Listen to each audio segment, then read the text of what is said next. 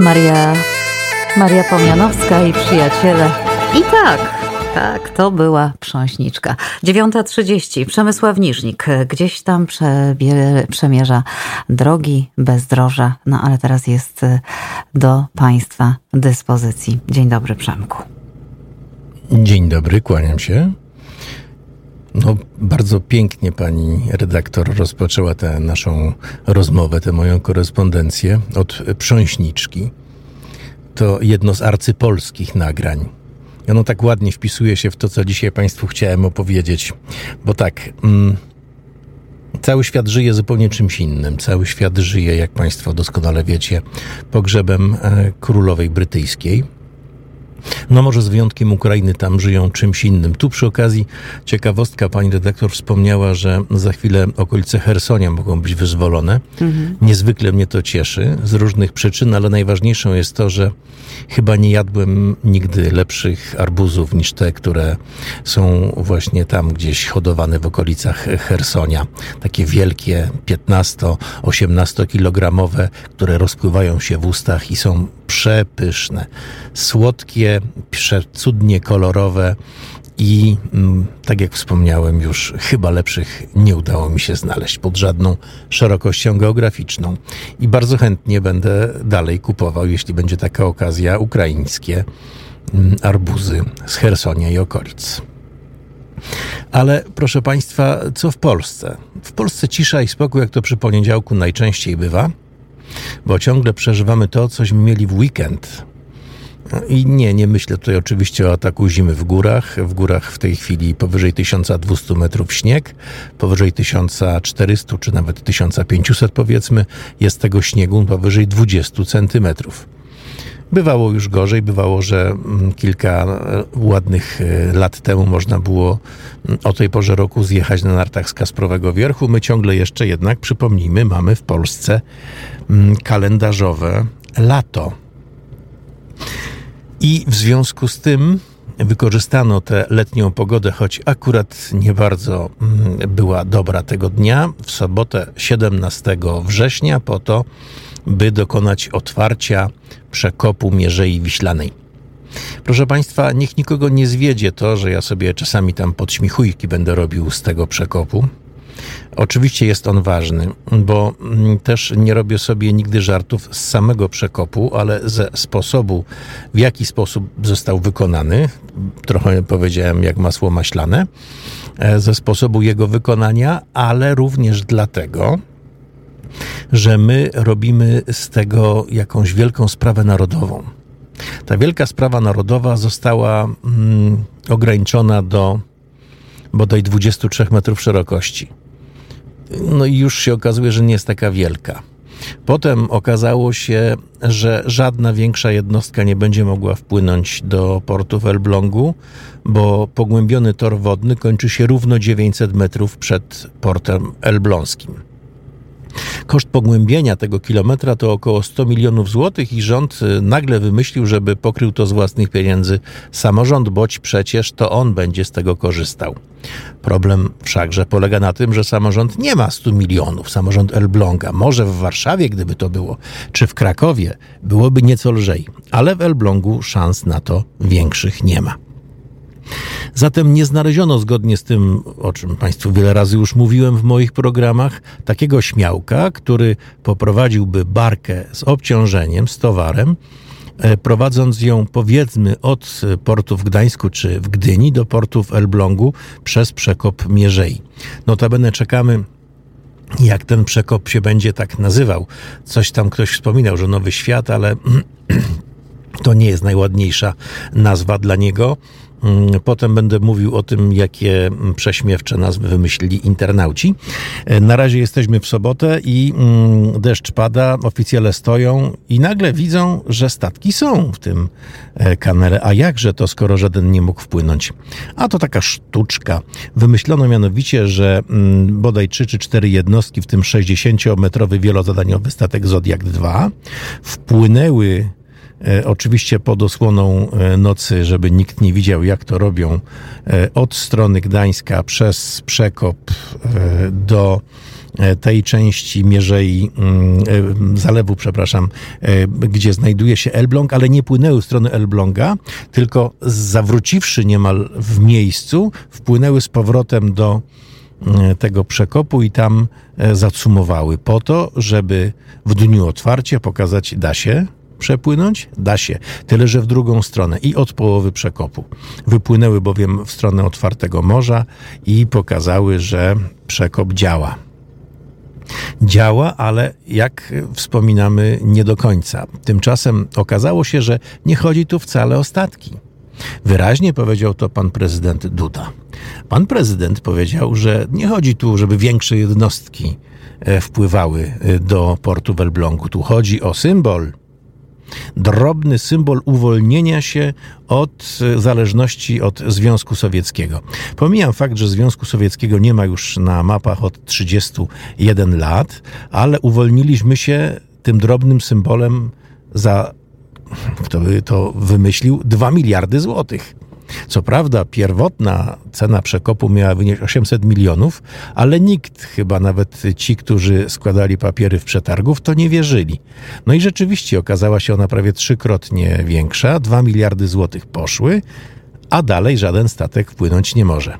Jak na symbol, super. A jak na prawdziwy tor wodny, pała. Do tego dodajmy, że podczas tej niezwykłej uroczystości otwarcia o mm, takie symboliczne pokropienie, boć z nieba lało jak z cebra, poproszono zawieszonego przez Watykan, Watykan arcybiskupa Leszka Głodzia, który zrobił to oczywiście z ochotą i zapewne nie za darmo. Ile to kosztowało, nie dowiemy się nigdy ale w ten sposób rząd pokazał, e, że kompletnie nie liczy się ze zdaniem na przykład e, Kościoła Światowego. I jeśli e, Państwo uważacie, że to koniec uroczystości, to się oczywiście grubo mylicie, bo potem nastąpił koncert. Koncert, który przygotowała telewizja polska, co prawda bez muzyki disco polo, bez tych radosnych majteczek w kropeczki. Przypomnijmy, że uroczystość miała miejsce 17 września i tę datę specjalnie wybrano bo ma ona symbolizować uwolnienie się całkowite raz już na zawsze od e, wpływów sowieckich i postsowieckich, a przypomnijmy, że była to data mm, związana z historią, czyli z datą wkroczenia wojsk sowieckich do Polski w 1939 roku. Zatem wszystko się udało i ten koncert też się musiał udać. Przywieziono nie tylko scenę, nie tylko nagłośnienie wykonawców, ale uwaga, również publiczność. Przywieziono 999 osób, bo gdyby było 1000, to musiano by wystąpić o specjalne zezwolenie na imprezę masową. W związku z tym zamiast wpuścić e, prawie 1000 Elblążan, wpuszczono 999 e, widzów przywiezionych autokarami. Odgrodzono się wielkimi czarnymi płachtami od reszty społeczeństwa, a potem wytłumaczono, że to nie był koncert plenerowy, tylko tak naprawdę koncert w studiu telewizyjnym. I taką chucpę będę zawsze piętnował, natomiast nie sam fakt y, przekopania Mierzei Wiślanej, boć dostrzegły to wszystkie agencje światowe i Associated Press, i Agence France Press, e, i Niemcy w swoich artykułach w Allgemeine, Frankfurter Allgemeine Zeitung pisali, że jest to taki powiew wolności. Ostatecznie uwolniliśmy się od wpływów sowieckich i postsowieckich. Zgadza się, tylko czy wszyscy ci dziennikarze, którzy to pisali, wiedzą, że mimo iż uwolniliśmy się, to tak naprawdę nie uwolniliśmy się, bo już w sobotę, a o niedzieli nawet nie wspominam, kursowały cały czas barki pomiędzy Elblągiem a uwaga, Kaliningradem i płynęły one e, bez wykorzystania, rzecz jasna, przekopu Mierzei, tylko przez e, Zalew Wiślany. E, jakże to możliwe, skoro nie wpuszczamy e, barek e, pod banderą rosyjską do Polski? To proste. Rosjanie kupili sobie polską banderę i w ten sposób polskie barki obsługują rosyjski fracht dla rosyjskich biznesmenów. Czyli z jednej strony uwolniliśmy się, z drugiej nie uwolniliśmy się. E, a w niedzielę już e, chcieli nasi obywatele sprawdzić, jak to dobrze jest się uwolnić. Jednym słowem, chcieli popływać, trochę przepłynąć sobie z Zatoki Gdańskiej e, do Zalewu Wiślanego i na odwrót i przepłynęło 95 jednostek. Z tego zdecydowana większość to jachty, takie małe jachciki właściwie bez motorków albo z małymi motorkami. Narzekano bardzo na to, że trzeba aż dwie godziny czekać na e, opuszczenie i podniesienie śluzy. No, ale w panoramie, w telewizji e, publicznej e, ukazał się piękny film, taki mały mini reportaż wręcz, w którym powiedziano, że teraz właśnie ten przekop jest jak kanał sueski. Taki ruch w nim panuje. To przypomnijmy, że kanał Suezki to jest 168 km długości, 300 ponad metrów szerokości. Pływa nim dzień w dzień 60 potężnych transoceanicznych jednostek, a naszym przepłynęło 95 omek i innych jachcików tej wielkości, a żaden statek, nawet średniej wielkości, wpłynąć nie będzie mógł, nawet kiedy tor zostanie pogłębiony. Będzie bardziej służył dla barek. Zatem porównanie z kanałem Suezkim jest naprawdę śmieszne i oczywiście natychmiast podchwycili to e, internauci. Stąd e, pojawiły się określenia dla tego toru wodnego, na przykład nie kanał Suezki, a bardziej kanał Suski. Natomiast e, furorę robi w sieci nazwanie tego przesmyku, który osobiście obiecał Jarosław Kaczyński, kaczym bełtem. Mamy mały bełt, wielki bełt, może mieć i kaczy bełt. Kto powiedział, że nie? W każdym razie konkurs na najlepszą nazwę dla tego przekopu ciągle trwa. No i tyle, proszę Państwa, wydarzyło się tak naprawdę przez weekend. Nie działo się zbyt e, wiele ciekawych rzeczy, zwłaszcza, że pan prezydent e, spieszył się bardzo do Londynu. E, I w tym dniu, chociaż e, jest to dzień smutny, to pozytywem jest to, że nie dzieje się nic politycznie, nie skaczemy sobie nawzajem do gardeł.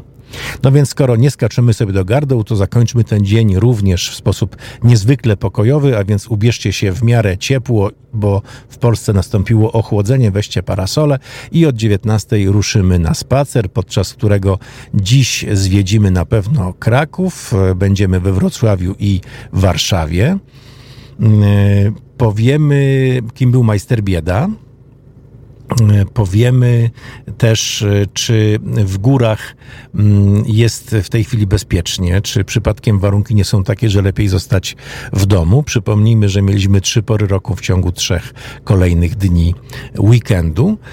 Opowiemy o jednym z najgorszych królów historii Polski, współautorze haniebnego traktatu w Buczaczu Michale Korybucie-Wiśniowieckim.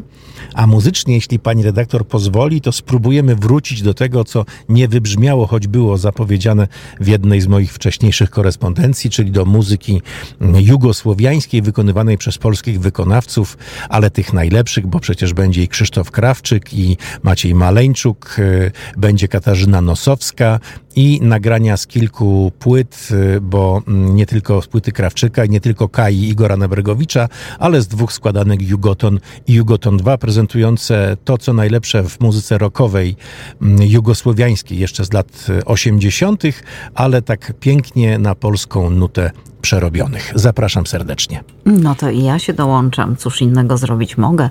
Jak zwykle będę niezwykle niecierpliwie czekała na e, wspólny z Przemysławem Niżnikiem spacerek e, po Polsce, na tę muzykę, na wszystkie ciekawostki, na szybki news e, oczywiście również. Czyli panie redaktorze, wielkie dzięki i słyszymy się o siódmej. Bardzo dziękuję, kłaniam się nisko. Do usłyszenia. Do usłyszenia.